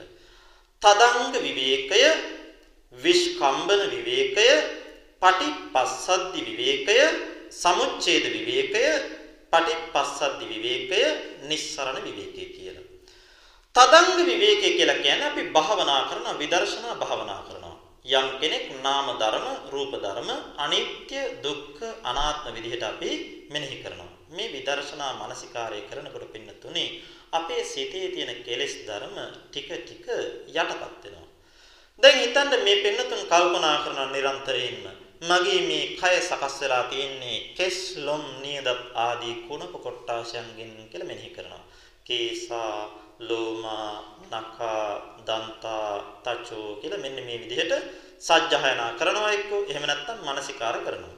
මේ මානසිකාර කරනකොට අපි කෙස් දිහා බලනවා. කේසා කියන උට කෙස් දිහා බලනවා. ඒ කෙස් වල වර්ණ වශයෙන් කෙස් වල වර්ණ වශයෙන් සටහන් වශයෙන් ගන්ධයේ වශයෙන් සකස් වෙලා තියෙන දේවල් වශයෙන් පිහිටි තන වශයෙන් අපි පිළිකුල මෙනෙහි කරගන්නවා. ඒ වාගේම ලොම් සම්බන්ධයෙන්, නිය සම්බන්ධයෙන් මෙන්න මෙහෙම සියලු ධර්ම කෙරෙහි අපි නුවණින් බලමින් මෙන්නවා නම් අපේ කෙලෙස් ධර්ම යටපත් වෙනවා. අපිට රාගය ඇති වෙන්නේ නැහැ. අපිට ද්වේෂය ඇති වෙන්නේ නැහැ. අපිට රාගයක් ඇති වෙනකොට යම් ආකාරයකින් රාගයක් ඇති වෙනවා නම් කේසා ලෝමා කියලා මෙනෙහි කරනකොට Tamanට ඇති වෙන අවබෝධයක් මට රාගයක් ඇති කරගන්නේ මම මේ ඇලීමක් ඇති වෙන්නේ මේ කෙස් ආදී කුණප කොටස් වලනේ කියලා. ඒ වගේම ද්වේෂයක් හටගන්නකොට තමන් කල්පනා කරන මම මේ ද්වේෂ කරන්නේ මේ කුණප කොටස් වලින් සකස් වෙච්ච පුද්ගලෙක් නෙමේ ද්වේෂ කරන්නේ කියලා කල්පනා කරනවා. අන්න පින්නතුනේ ඒ වෙලාවට අපිට తాවකාලිකව රාගය, ద్వේෂය යටපත් වෙලා යනවා. මෙන්න මේ తాවකාලිකව විදර්ශනා වඩනකොට, භාවනා කරනකොට අපේ කෙලෙස් යටපත් වෙන එකට කියනවා තදංග විවේකය, තදංග ප්‍රහාණය කියලා. මෙන්න මේ විදිහට තදංග වශයෙන් අපේ කෙලෙස් ටික යටපත් වෙනවා. මේ තදංග වශයෙන් යටපත් වුණාට අපි මේ මානසිකාරය ඉවත් කරගත්තාම නැවත මොකද වෙන්නේ? මේ කෙලෙස් ටික ආපහු මතුවලා එනවා. දැන් අපි මානසිකාර කර කර ඉන්නවා කේසා ලෝමා කියලා මේ විදිහට මානසිකාර කර කර ඉඳලා ඒ මානසිකාරේ නතර කරලා වෙන වැඩක් කරනකොට කවුරු හරි අපිට බැන්නොත් අපිට තරහ යනවා. එහෙම නැත්නම් අපිට රාගයක් ඇති වෙන අරමුණක් ආවොත් අපිට රාගය ඇති වෙනවා. අන්න අපි මානසිකාර කරන වෙලාවේදී తాවකාලිකව තමයි මේ කෙලෙස්ය යටපත් වෙලා තින්නේ. ඒ නිසා මේ යටපත් වීමට කියන්නේ තදංග ප්‍රහාණයක් තදංග විවේකයේ කියලා කියනවා. විවේකයේ කියන්නේ වෙන්වීම කියලා කියවනේ. අපි කෙලෙසෙන් වෙන්නුණා, කෙලස් ධර්මයෙන් වෙන්නුණා తాවකාලිකව. ඒ නිසා කියනවා තදංග විවේකයක් කියලා. මේක හරියට නිකන් උපමාවකින් දක්වනවා නම් රබර් බෝලයක් වතුරකට දැම්මොත් මේක උඩ පාවෙනවා. උඩ පාවුනාට යම් කෙනෙකුට පුළුවන් මේක යටට කරලා අල්ලගන්න. යටට කරලා අතින් තද කරලා ඇල්ලුවොත් වතුරට යට වෙලා තියෙනවා. අතෑරපු ගමන් නැවතත් උඩට මතුවෙනවා. මෙන්න මේ වාගේ තමයි භාවනා කරනකොට විදර්ශනා මානසිකාරය පවත්වනකොට අපේ කෙලෙස් ධර්ම තදංග වශයෙන් යටපත් වෙනවා. නමුත් නැවතත් අපි ඒක අතහැරපු ගමන් උඩට මතුවෙනවා. මේකට කියන්නේ තදංග විවේකය කියලා. දෙවෙනි විවේකයේ තමයි විස්කම්බන විවේකය කියලා කියන්නේ. විස්කම්බන වශයෙන් අපි කෙලෙස් වලින් වෙන් වෙනවා. කොහොමද? අපි සමත භාවනා කරනවා. සමත භාවනා කරලා ධ්‍යාන උත්පාදනය කරන රූපාවචර ධ්‍යාන හතරක් අරූපාවචර ධ්‍යාන හතරක් වශයෙන් අෂ්ට සමාපatti දක්වා අපේ සිත සමත වශයෙන් වඩනවා. මෙතකොටත් මේ භාවනා කරනකොටත් අපේ සිතේ කෙලෙස් ධර්ම යටපත් වෙනවා. සමත භාවනා කරනකොට අපේ පංච නීවරණ යටපත් වෙනවා. නමුත් මේ යටපත් වීම සාමාන්‍ය මානසිකාරයකදී යටපත් වීමට වඩා ටිකක් හොඳ යටපත් වීමක් වෙනවා. භාවනා කරලා ධානයක් ලබාපු කෙනා ධානයේ නැගී හිටලා ටික වෙලාවක් යනකනොත් එයාට මානසිකාරයකින් ඉන්න පුළුවන් නම් එයාගේ මේ කෙලෙස් යටපත් වෙලා තියෙනවා තව ටික වෙලාවක්. නැවත වාරයක් අරමුණක් ආවම එකපාරම ඒ පුද්ගලයා ඒ කෙලෙස් අරමුණට යන්නේ නැහැ. ඒ නිසා මේ යටපත් වීම තදංග යටපත් වීමට වඩා යටපත් වීමක්. ඒ නිසා ඒකට කියනවා විස්කම්බන වශයෙන් යටපත් වෙනවා කියලා. විස්කම්බන වශයෙන් ප්‍රහාණය වෙනවා. විස්කම්බනේ වශයෙන් විවේකයකටපත් වෙනවා. කෙලෙස් වලින් වෙන් වෙනවා.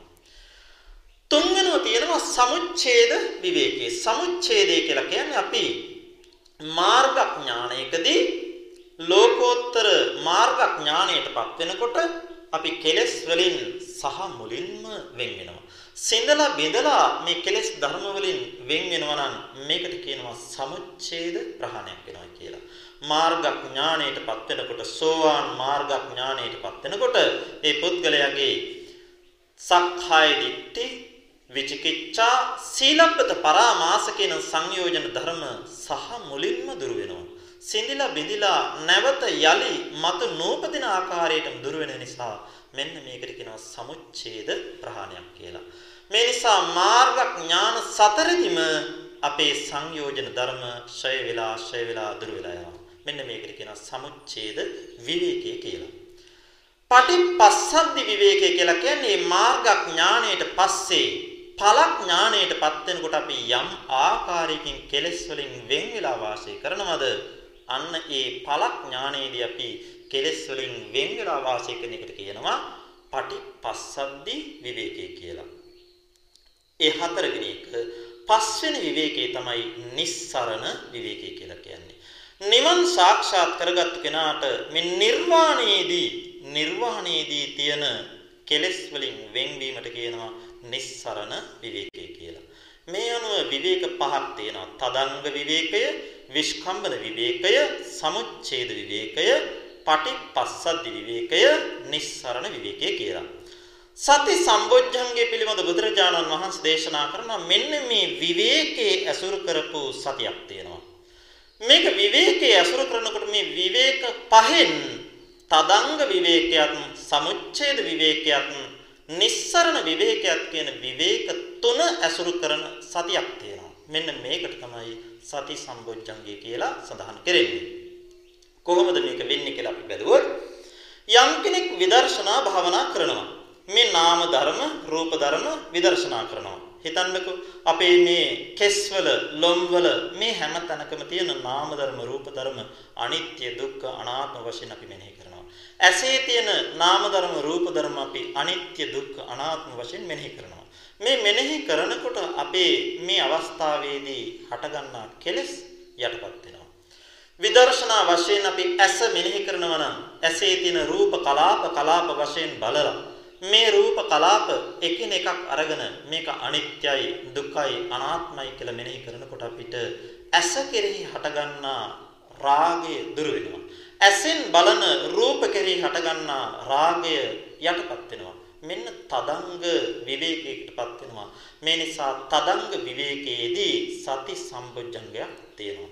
ඒ වගේම තමයි ඒ තදංග විවේකයේපත් වෙනකොට විබ විදර්ශනා මානසිකාරය පවත්වනකොට මේකේනා විදර්ශනා මානසිකාරය පවත්වන්නේ මොන අරමුණෙන්ද? නිවන් සාක්ෂාත් කර ගැනීම අරමුණෙන්.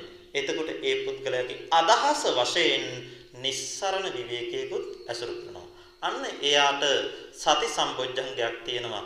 තදංග තදංග විවේක වශයෙන් එයාගේ කටයුත්ත තමයි කෙලෙස් ධර්ම යටපත් කරන එක.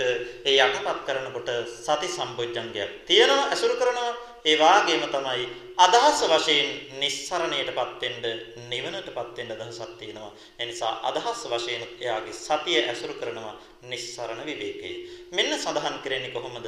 තදංග විවේකයක් නිස්සරණ විවේකයක් සති සම්පොඥංගේ ඇසුරු කරන ආකාරය. මීළඟට මේ පුද්ගලයා විදර්ශනා කරලා කරලා යම් මොහතකදී මාර්ග ඥාණයටපත් වෙනවා නම් සතර මාර්ග ඥාණයටපත් වෙනවා නම් අපි හිතමු සෝවාන් මාර්ගඥාණයටපත් වෙනවා. සෝවාන් මාර්ගඥාණයටපත් වෙනකොටත් පින්නතුනේ අපි කෙලෙස් ධර්ම සහ මුලින්ම දුරු කරනවා. සහ මුලින්ම දුරු කරන නිසා අන්න සමුච්ඡේද විවේකය ඇසුරු කරන සතියක් අපිට තියෙනවා මේ වෙලාවේ. ඒ මාර්ගඥාණයටපත් වෙන වෙලාවේ අපිට තියෙන සිහිය අපි කියන්නේ සමුච්ඡේද විවේකය ඇසුරු කරනවා. මාර්ග ඥාණයටපත් වෙනකොටත් ඒ පුද්ගලයා අරමුණු කරන්නේ නිවන. ඒ නිසා ඒ විලාවෙත් අදහස් වශයෙන් නිස්සරණ විවේකයක් තියෙනවා. මේ නිසා බුදුරජාණන් වහන්සේ මෙතන මේ පැහැදිලි කරන විවේක නිශ්චිත සති සම්බොජ්ජංගය කියලා කියනකොට මේක අපි විදර්ශනා මානසිකාරයක් පවත්වන මොහොතක් මොහොතක් පාසා අපේ සති සම්බොජ්ජංගය වැඩෙනවා. තදංග විවේකයේ අසුරු කරගත්තු නිස්සරණ විවේකයේ අසුරු කරගත්තු සති සම්බොජ්ජංගයක් වැඩෙනවා. යම් කෙනෙක් මාර්ගඥාණයටපත් වෙනවා නම් ඒ අවස්ථාවේදී අපේ සමුච්ඡේද විවේකයක් අසුරු කරන නිස්සරණ විවේකයක් අසුරු කරන සති සම්බොජ්ජංගයක් පවතිනවා. ඉතින් තවත් ආචාර්ය කෙනෙක් තවත් ගුරුකුලයක මේතන සඳහන් වෙනවා මේ විවේක තුන විතරක් නෙවෙයි විවේක පහම සති සම්බොජ්ජංගය ඇසුරු කරනවා කියලා. ඒ කියන්නේ අපි ලෞකික වශයෙන් ධ්‍යාන උපදවනවා නම් සමත භාවනා කරලා මේ ධ්‍යාන උපදවන කොටත් බුද්ධ ශාසනය කෙනෙක් ධ්‍යානයක් උපදවන්නේ නිවන් මාර්ගයේ ගමන් කිරීම සඳහායි. බුද්ධ ශාසනයෙන් පරිබාහිරව සමහර කෙනෙක් ධ්‍යාන උපදවනවා. ඒ අයට නිවන් ඉලක්කයක් නැහැ. මේ නිසා ඒ අයට මේ කියන නිවන අරමුණු වෙන්නේ නැහැ. නමුත් යම් කෙනෙක් නිවන් සාක්ෂාත් කරගන්න ධ්‍යාන උපදවනවා නම් එයාගේ සති සම්බොජ්ජංගය මේ කියන විස්කම්බන නිස්සරණ කියන සති සම්බොජ් විවේකයක් ඇසුරු කරනවා කියලා තවත් ගුරුකුලයක සඳහන් වෙනවා. ඉතින් මේකත් අර්ථ කතාවල ප්‍රතික්ෂේප කරන්නේ නැහැ. අර්ථ කතාවල ප්‍රතික්ෂේප කරන්නේ නැති නිසා අපි කල්පනා කරන්න ඕනේ. අපි සමත භාවනා කරනකොටත් අපේ සති සම්බොජ්ජංගය වැඩෙනවා. විදර්ශනා භාවනා කරනකොටත් අපේ සති සම්බොජ්ජංගය වැඩෙනවා. මේකයි කියන්නේ විවේක නිශ්චිත සති සම්බොජ්ජංගය කියලා. මේලකට සඳහන් කරා විරාග නිශ්චිත සති සම්බොජ්ජංගයක් තියෙනවා. ඉතින් මේ විරාගය කියලා කියන්නේ ඊළඟට සඳහන් කරන Nirodhe කියන්නේ විවේකයටම පරයාය වචන විදිහට පැහැදිලි කරන්නේ. විරාගය කියලා කිව්වහම අපිට තියෙන සංයෝජන ධර්ම පහ. රූප රාග, අරූප රාග, මාන, උද්දච්ච, අවිජ්ජා කියලා සංයෝජන ධර්ම පහක් තියෙනවා. රූප රාග කියලා කියන්නේ අපිට මේ රූප ධර්ම කෙරෙහි රූපාවචර ලෝකවල ඉපදෙන්න අපිට යම් ආකාරයක සංයෝජනයක් තියෙනවා කෙලෙස් ධර්මයක් තියෙනවා කැමැත්තක් තියෙනවා රාගයක් තියෙනවා රූපාවචර ලෝකවල උත්පත්තිය ලබන්න. අරූප රාග කියලා කියන්නේ අරූපාවචර ලෝකවල උත්පත්තිය ලබන්න අපිට තියෙන යම් ආකාරයක කැමැත්තක්.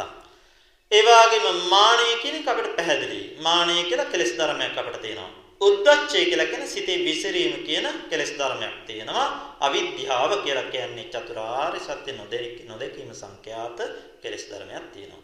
මෙන්න මේ සංයෝජන පහම ෂය වෙනවා සහ මුලින්ම නැති වෙනවා අරිහත් මාර්ගඥාණයටපත් වෙද්දී. මේ නිසා විරාග නිශ්චිත සති සම්බොජ්ජංගය කියලා කියන්නේ මෙන්න මේ අරිහත් මාර්ග ඵලඥානයන් වලටපත් වෙද්දී ඇති වෙන සති සම්බොජ්ජංගය තමයි විරාග නිශ්චිතයි කියලා සඳහන් කරන්නේ.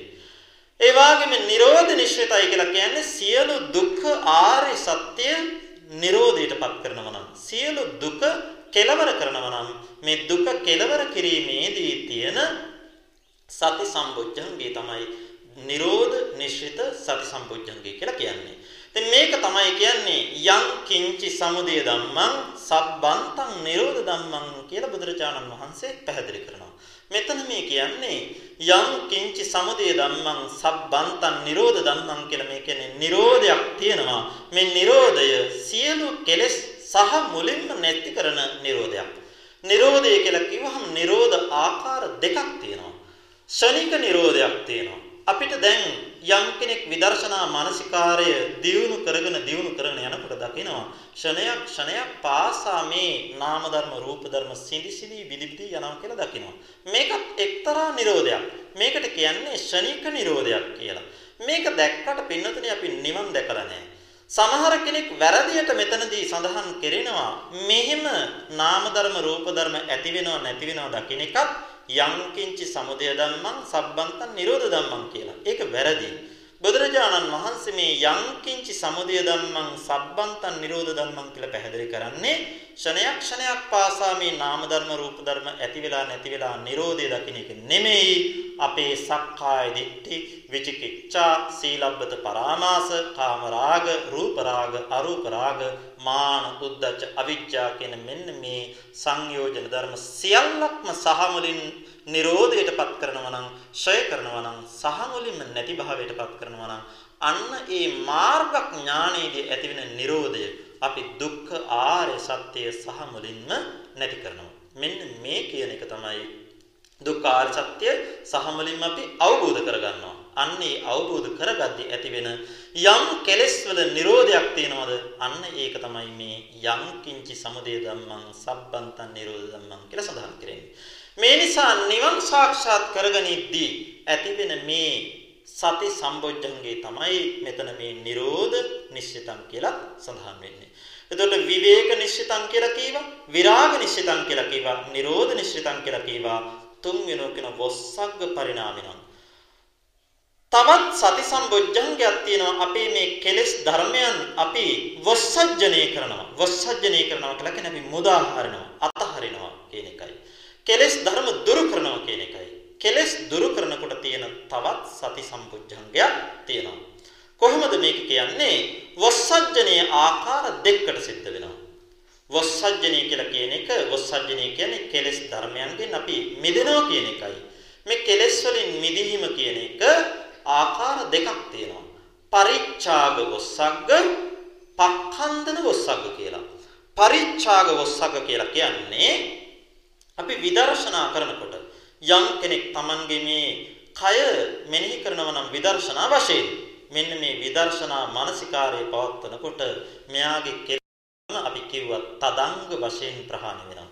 මෙයාට සිතට ඇතිවෙන රාගය, ద్వේෂය ආදී කෙලෙස් ධර්මයන් ඒ ඒ මොහොතට తాවකාලිකව ප්‍රහාණය වෙනකොට තදංග ප්‍රහාණයක් වෙනවා.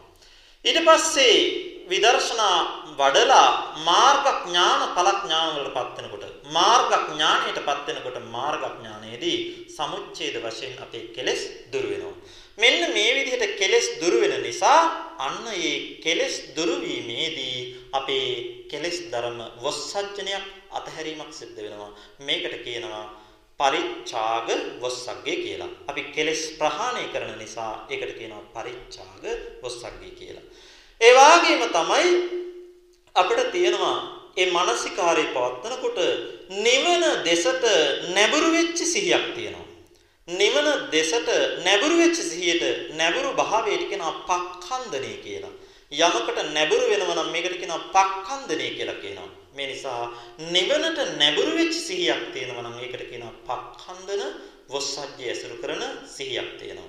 මේ නිසා සති සම්බොජ්ජංගේ ඇසුරු කරනවා පරිච්ඡාග වොස්සග්ගේ ඇසුරු කරනවා පක්ඛන්දන වොස්සග්ගේ ඇසුරු කරනවා. ඒ කියන්නේ සරලව කියනවා නම් අපි කෙලෙස් ධර්ම ප්‍රහාණය කරගන්න ප්‍රහාණය කරන සිහියක් තියෙනවා සති සම්බොජ්ජංගයක් තියෙනවා නිවනට යොමු වෙච්ච සිහියක් සති සම්බොජ්ජංගයක් තියෙනවා. හැම මොහොතක් පාසාම අපි යම් කිසි වැඩක් කරනකොට අපි කල්පනා කරනවා මේක මට නිවන් දකින්න හේතු වෙන්නේ කොහොමද කියලා.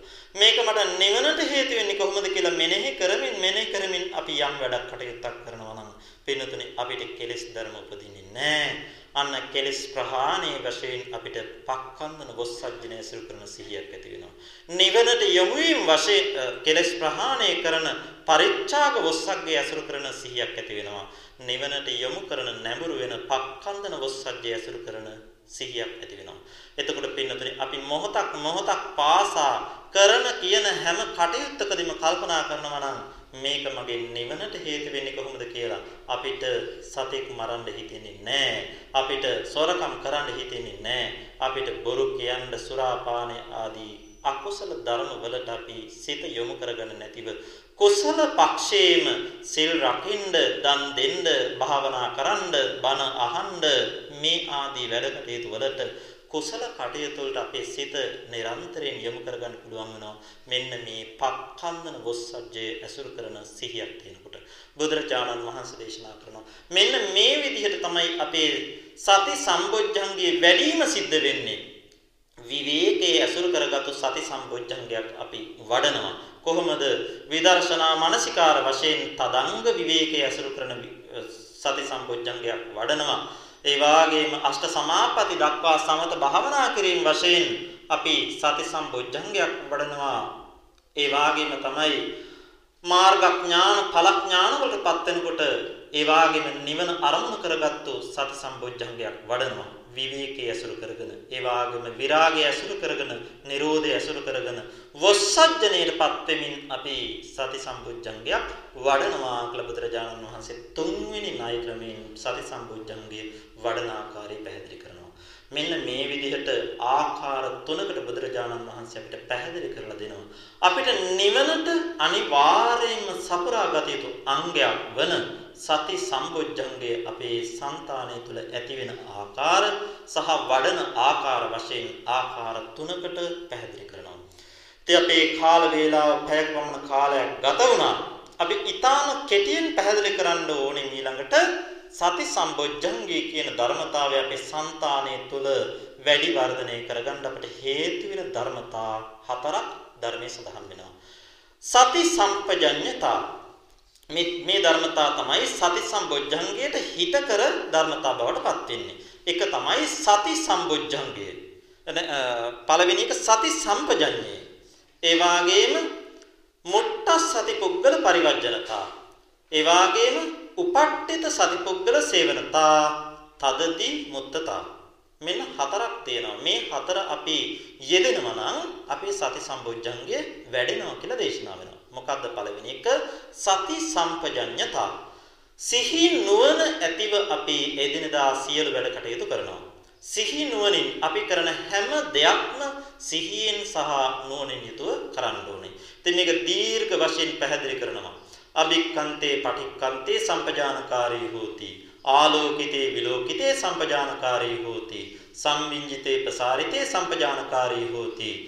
සංඝහටි පත්ත චීවර ධාරණේ සම්පජානකාරී හෝති.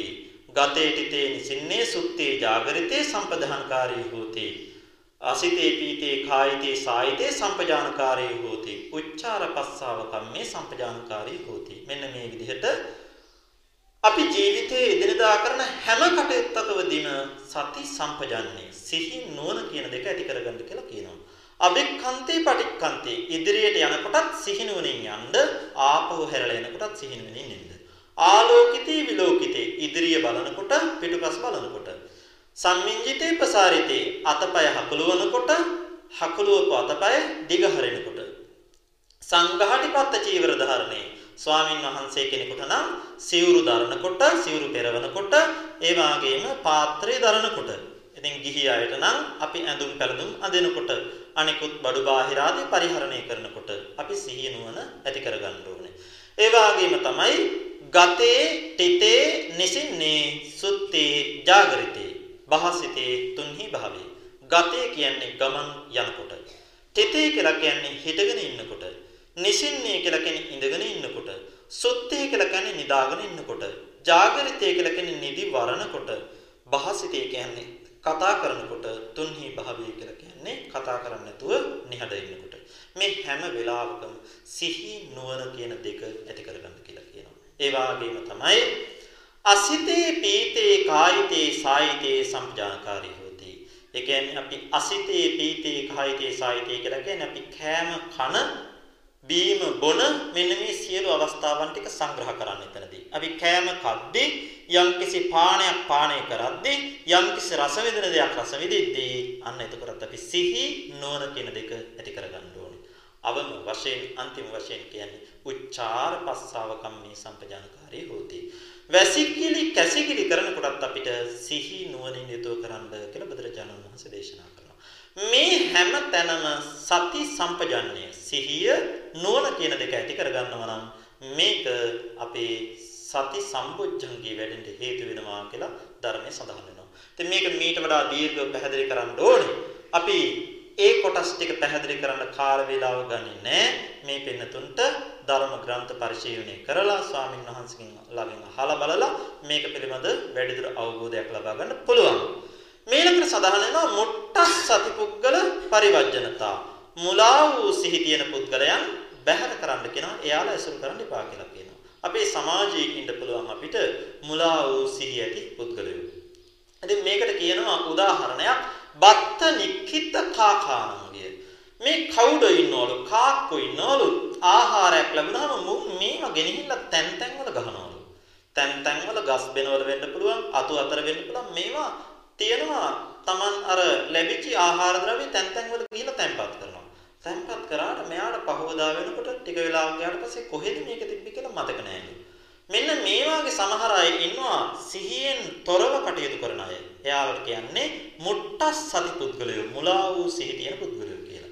එයාලව ඇසුරු කරන්න එපා කියලා කියනවා සති සම්පොඥංගේ වැඩෙන්න. උපට්ඨිත සතිපුද්ගල සේවනතා සිහියෙන් වැඩ කරන කට්ටිය ඉන්නවා. හොඳට සිහිය තියන අය ඉන්නවා. අන්න ඒ අය ඇසුරු කරන්න කියනවා. දැන් මෙතෙන්ට අර්ථ කතාවල සඳහන් වෙනවා කතන්දර කීපයක් සඳහන් වෙනවා. අපිට කාල වේලාව තියෙන විදිහට කෙටියෙන් කිව්වොත් ඉස්සර ඉඳලා තියෙන මහා ගතිම්බේ තිස්සකය ස්වාමීන් වහන්සේ කෙනෙක්. මේ ස්වාමින් වහන්සේලා එකට එකතු වෙලා සාකච්ඡාවක් වෙනකොට අහනවලු මේ ගතිම්බේ ස්වාමින් වහන්සේගෙන් අහන නුඹ වහන්සේගේ සිහිය කොහොමද? කොච්චර කාලයක් දේවල් සිහි කරන්න පුළුවන්ද? දැන් අපි කියවනේ අර චිර කතම්පි චිර භාසිතම්පි සරිතා හෝති අනුස්සරිතා කියලා. අපි කරපු කියපු දේවල් සිහි කරන්න පුළුවන් වෙන්නේ සතියෙන්. මේ ස්වාමින් වහන්සේ කියනවා මම මම ඉපදිලා දවස් 5කින් අපේ ගෙදර තිබුණා උත්සවයක් මංගල උත්සවයක්. මේ මංගල උත්සවයේ කිරිබත් ඇටියක් කෑම මේසේ තියලා තිබ්බා. ඉතින් මිනිස්සුන්ගේ අපේ රැස් වෙලා හිටපු කට්ටියන්ගේ අවධානයේ තොර වෙලාවක කපුටෙක් ඇවිල්ලා මේ කිරිබත් ඇටිය වැහුවා. ඒ වහපු වෙලාවේ මම සූසූ කියලා මම ඉපදෙලා දවස් 5යි. මම හැබැයි සූසූ කියලා මේ වෙලාවේ කෑ ගැහුවලු. මම මේ ඉපදෙලා දවස් 5 ඉඳලා අද දක්වා කරපු කීප හැම දෙයක්ම සිහි කරනවා කියලා කියනවා. බලන්න ඒ කාලේ ස්වාමීන් වහන්සේලාගේ සිහිය කොච්චර දියුණුවද කියන එක. මෙන්න මේ වාගේ සිහිය තියන අය අසුරු කරන්න කියලා කියනවා. මේක අහනකොට දීඝ බහනක අබේ කියලා තව ස්වාමීන් වහන්සේ කෙනෙක් ඉන්නවා. ඒ ස්වාමීන් වහන්සේ Tamanගේ සිහිය ගැන පැහැදිලි කරනවා. උන්වහන්සේ කියනවා මම ඉපදලා දවස් 9කින් මම ඉපදලා දවස් 9කින් අපේ අම්මා පාත් වෙලා මගේ මූණ සිම්බා. මේ මූණ සිඹින වෙලාවේ අම්මගේ හිසේ පළඳලා තිබුණු මල් ටිකක් වැටුණ මගේ ඇඟ උඩට. ඒ වැටිලා මට පොඩි වේදනාවක් දැනුණා. ඒ වෙලාවේ මම ඇඬුවා. ආන්න එදා ඉඳලා ඉපදිලා දවස් 9 ඉඳලා මේ දක්වා කරපු කියපු හැම දෙයක්ම සිහි කරනවා කියලා කියනවා. මේ දීඝ බහනක ස්වාමීන් වහන්සේගේ සිහිය තරම. ඉතින් ඒ ස්වාමීන් වහන්සේලා මෙච්චර සිහියකින් යුතුව කටයුතු කරලා තියෙනවා. එතකොට ඒක අහන තවත් ස්වාමින් වහන්සේ කෙනෙක් ත්‍රිපිටක චූලම්බේ කියන ස්වාමින් වහන්සේ කෙනෙක් කියනවා මේ අනුරාධපුරේ ඒ කාලේ අනුරාධපුරේ හදවාගෙන නෙවෙයි විශාල ජනකායක් හිටියා රාජධානියක් පිහිටලා තිබ්බනේ. ඉතින් හද අද වර්තමානයේ ගත්තොත් කොළඹ නගරේ වාගේ වෙන්න ඇති. ඉතින් මේ වාගේ විශාල ජනකායක් හිටපු අනුරාධපුර නගරයේ හතර පැත්තේ දොරකඩවල් වහලා උදේට එක දොරකින් සියලුම මිනිස්සු ඇතුළට දානවා. ඇතුළට දානකොට හැම කෙනෙක්ගේම නම අහගන්නවා. හවසට ඒ අය ඒ දොරෙන් එළියට යනකොට මට පුළුවන් ඕනනම් එක එක්කනාගේ නම කියන්න මෙයා අහවලා මෙයා අහවලා කියලා. විශාල ජනකායක් පිළිබඳව නම මතක තියාගන්න පුළුවන් කියලා කියනවා. බලන්න සතියේ තරම. මෙන්න මෙහෙම එළඹ සිටි සිහිය තියෙන අය ඇසුරු කරනවා නම් ඒකට තමයි කියන්නේ උපට්ඨිත සතිපුද්ගල සේවනතා කියලා. ඒ බඳු සිහිය ඇති අය ඇසුරු කරනවා නම් අන්න ඒක අපේ සති සම්පුජ්ජංගය වැඩෙන්න හේතු වෙනවා කියලා දේශනා ඒ වගේම තමයි තදදී මුත්තතා නිරන්තරයෙන් අපි සති සම්බොජ්ජංගය වැඩි දියුණු කරන්න යොමු වෙච්චි ඒ සඳහා අදහසින් යුතුව කටයුතු කරනවා නම් ඒකට කියනවා නැඹුරුව කටයුතු කරනවා නම් ඒකට කියනවා තදදී මුත්තතා කියලා. මෙන්න මේ කියන ධර්මතාවයන් හතර අපි වැඩි වර්ධනය කරනවා නම් අපි සති සම්බොජ්ජංගය වැඩෙනවා කියලා දේශනා වෙනවා. ඉතින් අපි සති සම්බොජ්ජංගේ පිළිබඳව කරුණු කිහිපයක් මේ පින්නතුන්ට මතක් කරේ. අපි කාල වේලාව ඉතින් බොහෝම ඉක්ම ගිහිලා තියෙන නිසා තව දුරටත් මේ පිළිබඳව කරුණු කියන්න තියෙනවා සතියේ ලක්ෂණ. ඉතින් ලක්ෂණ රස පච්චපට්ඨාන පදට්ඨාන යන ආදී වශයෙන් මේක දීර්ඝව විස්තර කරන්න ඕනේ. ඒ කටයුතු ටික අපි මේ වෙලාවේදී පැහැදිලි කරන්නේ නැහැ. මේ පින්නතුන්ට ධර්ම ග්‍රන්ථ පරිශීලනය කරලා ස්වාමින් වහන්සේලා මුණ ගැහිලා මේ පිළිබඳව අවබෝධය ලබා ගන්න කියන ආරාධනය සිදු කරමින් අපි අදට සති සම්බොජ්ජංගේ පිළිබඳව කරන්ට යොදන ධර්ම දේශනාව මෙතනින් අවසන් කරන්නේ. මේ පින්නතුන්ට අපි මතක් කරන්නේ නිවනට අවබෝධයට අංගයක් වශයෙන් පවතින සති සම්බොජ්ජංගේ තමයි අනිකුත් සියලු බොජ්ජංග ධර්ම වලට මූලිකත්වය ගන්න. උපකාර වෙන්නේ. මේ නිසායි සත්‍තිස් බෝධිපාක්ෂික ධර්ම පැහැදිලි කරනකොට ස්ථාන කීපයකම මේ සති සම්බොජ්ජංගේ අපිට විවිධ ආකාරයෙන් මුණ ගැහෙනවා. සතර සතිපට්ඨාන කියලා කියන්නේම සතියයි. කායානුපස්සන, වේදනානුපස්සන, චිත්තානුපස්සන, ධම්මානුපස්සන කියලා අපි මේ සතර සතිපට්ඨානේ වඩනවා නම් සති සම්පුඤ්ජංගය එතනදී යෙදෙන්නේ. ඒ වගේම තමයි ඉන්ද්‍රිය ධර්ම යටතේ සතිය කියන එක සඳහන් වෙනවා.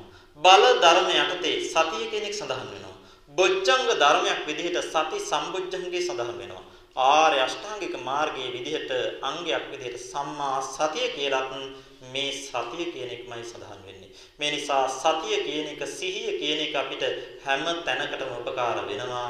සති සම්බොජ්ජංගයෙන් තොරව සෙසු බොජ්ජංග ධර්ම අපිට සම්පාදනය කරගන්නත් අපහසු වෙනවා නොහැකි වෙනවා. මේ නිසා අපි සියලු දෙනාට ආරාධනය කරන්නේ අපිට බුදුරජාණන් වහන්සේ පැහැදිලි කරපු ආකාරයට මොහොතක් මොහොතක් පාසා අපි නුවණින් සිහියෙන් යුතුව කටයුතු කරනවා නම් සති සම්පජඤ්ඤයෙන් යුතුව කටයුතු කරනවා නම් අපේ සති සම්බුද්ධංගී කියන අංගී වැඩෙනවා. මේ නිසා සෑම දිනාටම එදිනදා කරන සියලු කටයුතු වලදීම සිහියෙන් නුවණින් යුතුව කටයුතු කරන්න. එතනදී සති සම්බුද්ධංගය විවේක වශයෙන් තදංග විවේක වශයෙන් ප්‍රහාණය කරගන්න පුළුවන් වෙනවා ඒ වාගේම තමයි වොස්සග්ග පරිණාමන වශයෙන් පක්කන්දන වොස්සග්ගයක් වශයෙන් පරිච්ඡාග වොස්සග්ගයක් වශයෙන් අපිට කෙලෙස් ප්‍රහාණය කරන්නටත් නිවනට යොමු වෙන්නටත් අපේ සිහිය යොදා ගන්නවා නම් අපිට ඒකාන්තෙම මේ ලෝකේ සියලුම නාම ධර්ම රූප ධර්ම දුක්ඛ ආර්ය සත්‍යක කියලා අවබෝධ කරගන්න ලැබෙනවා. ඒ දුක ඇති කරන තෘෂ්ණාව සමුදය ආර්ය සත්‍යක කියලා අවබෝධ කරගන්න ලැබෙනවා. ඒ දුක තෘෂ්ණාවක් දෙකම නැති අසංකත ධාතු නිර්වාණය නිරෝධාර්ය සත්‍යයක් කියලා අවබෝධ කරගන්න ලැබෙනවා. ඒ සඳහා වැඩි යුතු මාර්ගයේ ආර්ය අෂ්ටාංගික මාර්ගය කියලා දුක්ඛ නිරෝධ ගාමිනී පටිපදා ආර්ය සත්‍යයක් අවබෝධ කරගන්නට මෙන්න මේ කියන සති සම්පූර්ණංගයට ඒකාන්තෙම හේතුවක් වෙනවා. මේ දුකත් සමුදයත් නිරෝධයත් මග්ගයත් කියන චතුරාර්ය සත්‍ය ධර්ම අවබෝධයෙන් මේ පින්තුන් සෑම තුළ දිනාටම ප්‍රාර්ථනීය බෝධියකින් අග්‍ර අමා මහ නිවන් සාක්ෂාත් කරගන්නට හැකියාව ලැබෙන ආකාරයට සති සම්බොජ්ජංගේ වඩාගෙන නිවනට අංගයක් සම්පාදනය කරගැනීමට ලැබේවා ලැබේවා කියලා සෑම දිනාටම මෛත්‍රියෙන් යුතුව ප්‍රාර්ථනා කරනවා පැයකට අධික කාලයක් ධර්ම ශ්‍රවණය කරන් යෙදුණා. ඒ ධර්ම ශ්‍රවණමේ වශයෙන් සීලයක පිහිටීම වශයෙන් රැස්පත් කරගන්න යෙදුණු උදාාර පුණ්‍ය ධර්ම සමුදාය අපි සෑම සිල් දෙවියන්ට අනුමෝදන් කරමු. දෙවියෝ මෙතින් දැකබලා සතුට වී දිව්‍ය ආශිර්වාද වඩවරාත් වර්ධනය කරගනිත්වා. ප්‍රාර්ථනීය බෝධියකින් නිවනින් සනසෙත්වා කියලා ප්‍රාර්ථනා ඇති කරගනිමු. ආකාසත්තා ච බුම්මත්තා දීවානාගා පුඤ්ඤන්තං අනුමෝදිත්වා චිරං රක්ඛන්තු ශාසනං ආකාසට්ඨා ච බුම්මට්ඨා දේවානාගා මහිද්దికා පුඤ්ඤන්තං අනුමෝදිත්වා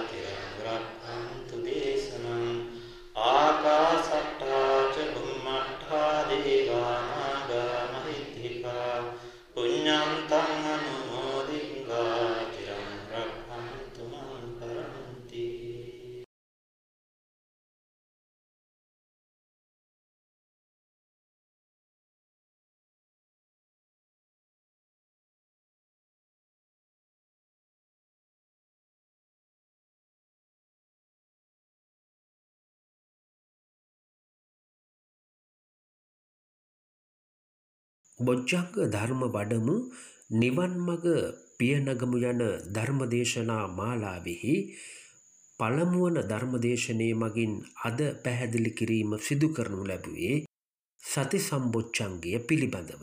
මෙම ධර්මදේශනා මාලාවෙහි දෙවැනි ධර්මදේශනාවට සවන් දෙනමින් පින්වත් ඔබ සියලුම දෙනාට මෙත් සිතින් ආරාධනා කරන්නට කැමතියි. ඒ වගේම මෙම ධර්මදානය සිදු කිරීමට උපකාර කළ සියලුම දෙනාටත් මෙම ධර්මදේශනය ශ්‍රවණය කළ පින්වත් ඔබ සියලුම දෙනාටත් මේ පින් අනුමෝදන් වෙත්වා.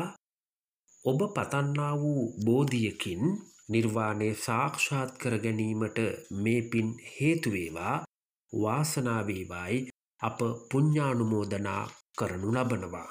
ඒ වගේම ධර්මදේශනය පවත්වනු ලැබූ රණගිරිලෙන ආරන්න සේනාසනවාසී ත්‍රිපිටක විශාරද විද්‍යාවේදී ශාස්ත්‍රපති අවසරයි පූජ්‍යපාද මහව ඥානාලෝක ස්වාමින්ද්‍රයන් වහන්සේට මේ පුණ්‍යකර්මය ආනුභාව බලයෙන් මේ පුණ්‍යකර්මය ශක්තියෙන් තව බොහෝ කාලයක් සම්බුද්ධ ශාසනයට ධර්මඥානය දායාද කරන්නට හැකිවේවා. ඔබ වහන්සේට නිදුක් නිරෝගී බව දීර්ඝායුෂ ලැබේවායි අප මෙත් සිතින් පුණ්‍යානුමෝදනා කරනු ලබනවා.